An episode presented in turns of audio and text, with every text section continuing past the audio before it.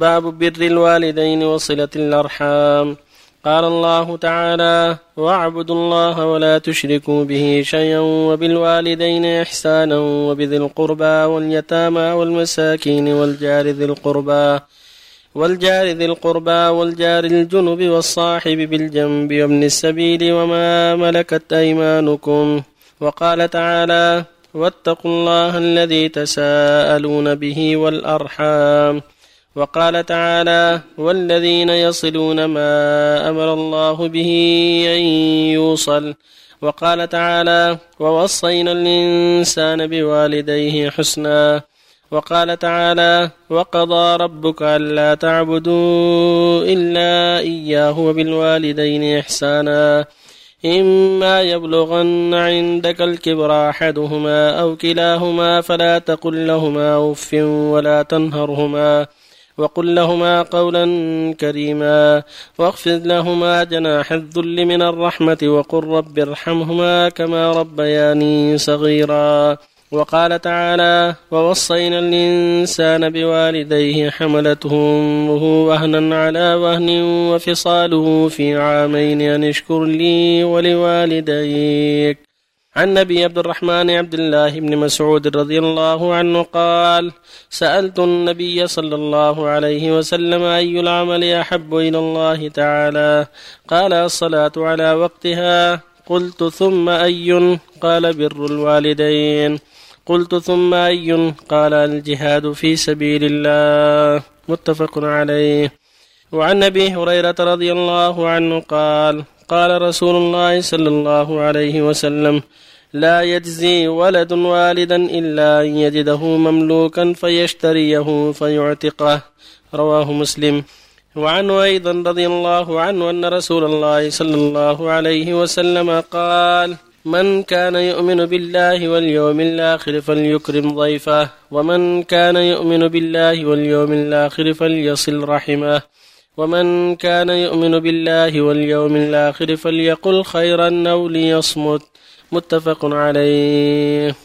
وبالله التوفيق. بسم الله الرحمن الرحيم. الحمد لله وصلى الله وسلم على رسول الله وعلى آله وأصحابه ومن اهتدى بهداه. أما بعد فهذه الأحاديث مع الآيات الكريمات كلها تعلق بر الوالدين وصلة الرحم والواجب على كل مؤمن وعلى كل مؤمنة بر الوالدين وصلة الرحم. كما أمر الله بذلك وأمر به رسوله عليه الصلاة والسلام. قال تعالى وقضى ربك ألا تعبدوا إلا إياه وبالوالدين إحسانا. قال جل وعلا أن اشكر لي ولوالديك إلي المصير. قال سبحانه واعبدوا الله ولا تشركوا به شيئا وبالوالدين إحسانا وبذي القربى واليتامى والمساكين. الآية فالواجب على كل مؤمن وعلى كل مؤمنة أن يتقي ربه أن يتقي ربه في والديه وفي أرحامه وأن يصل الجميع طاعة لله ورسوله وحذرا من غضب الله. قال المسعود رضي الله عنه قلت يا رسول الله أي العمل أفضل؟ اللفظ الأحب إلى الله. قال الصلاة على وقتها كون يصلي الصلاة على وقتها مع المسلمين. هذا أحب العمل إلى الله بعد الشهادتين بعد التوحيد والإيمان بالرسول صلى الله عليه وسلم. أحب العمل إلى الله بعد الشهادتين العناية بالصلاة والمحافظة عليها وأداؤها في الوقت في الجماعة. قلت ثم أي قال بر الوالدين. قلت ثم أي قال الجهاد في سبيل الله. فجعل بر الوالدين يلي الصلاة وقبل الجهاد لعظم حقهما وجاءه رجل فقال يا رسول الله إذن لي في الجهاد؟ قال أحج والداك؟ قال نعم. قال ففيهما فجاهد. ففيهما فجاهد. وفي اللفظ الآخر ارجع فاستأذنهما فإن ذلك وإلا فبرهما. فبر الوالد له شأن عظيم ومنزلة كبيرة. فالواجب على كل مؤمن أن يحرص على بر والديه والإحسان إليهما والحذر من عقوقهما. وهكذا صلة الرحم من أهم المهمات صلة الرحم والإحسان إلى الأقارب يقول صلى الله عليه وسلم من كان يؤمن بالله واليوم الآخر فليكرم جاره. من كان يؤمن بالله فليكرم ضيفه من كان يؤمن بالله واليوم الآخر فليصل رحمه. من كان يؤمن بالله واليوم الآخر فليقول خيرا أو ليصمت. المؤمن إما أن يحفظ لسانه وإما أن يقول خيرا. ومن الواجبات أن يصل الرحم ويكرم الضيف ويكرم الجار.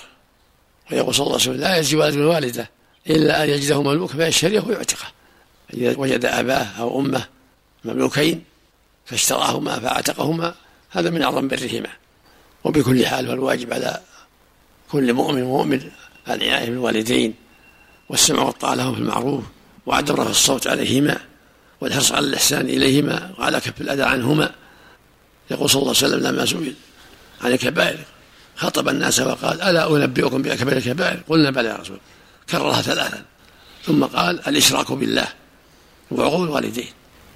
وكان متكئا فجلس فقال ألا وقول الزور؟ قال وشهادة الزور؟ فبين أن عقول الوالدين من أكبر الكبائر. قليل الشرك. وفق الله الجميع. الله إليك. كيف الرجل يدعو والديه؟ يا أبتي يا أمه يا أبا عبد الله يا أبا فلان يا أبتاه يا أماه يا أم عبد الله يا أم محمد. لا عاصيا يبغى يدعوهم. عاصيا يبغى يدعوهم للهداية. يدعوهم يقول ما؟ يقول اتق الله وافعل كذا دع كذا. ينصح. يا أبتي إن هذا لا يجوز. مثل ما قال عن إبراهيم ينصح والديه يا أبتي افعل كذا يا أبتي دع كذا. يا أبتي حافظ على الصلوات الصلاة عمود الدين. يا أبتي احذر الدخان احذر المسكر احذر الإسبال. كل هذه محرمات وما أشبه ذلك. هكذا.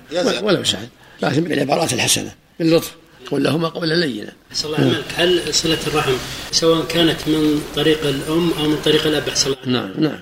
الأعمام والعمات والأخوال والخالة سواء من طريق الأم أو من طريق الأب كلهم رحم.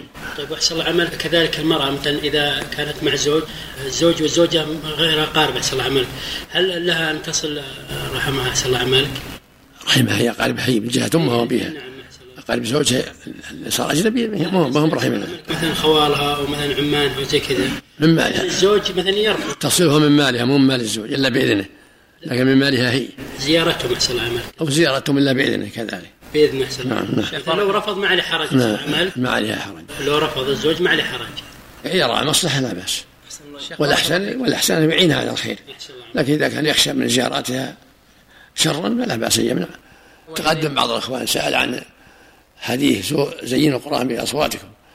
والحديث المذكور بعد المراجعه ثبت أنه صحيح. رواه أحمد وأبو داود والنسائي وابن ماجه والدارمي بإسناد صحيح.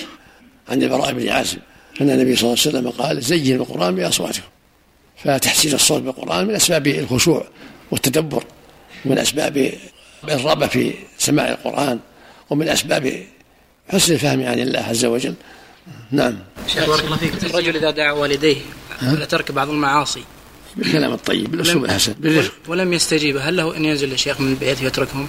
لا لا يرفق بهما الله قال حتى في الكافرين.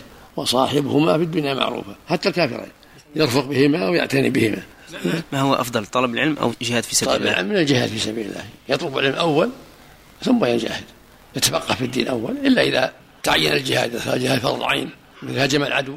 أو حضر الصفين يجاهد. وما دام في سعه عليه في التفقه في الدين والتعلم حتى يعرف كيف يجاهد. معنى تزيين القرآن؟ تحسين الصوت يعني تحسين الصوت. ترقيق الصوت تحسين الصوت عدم العجلة.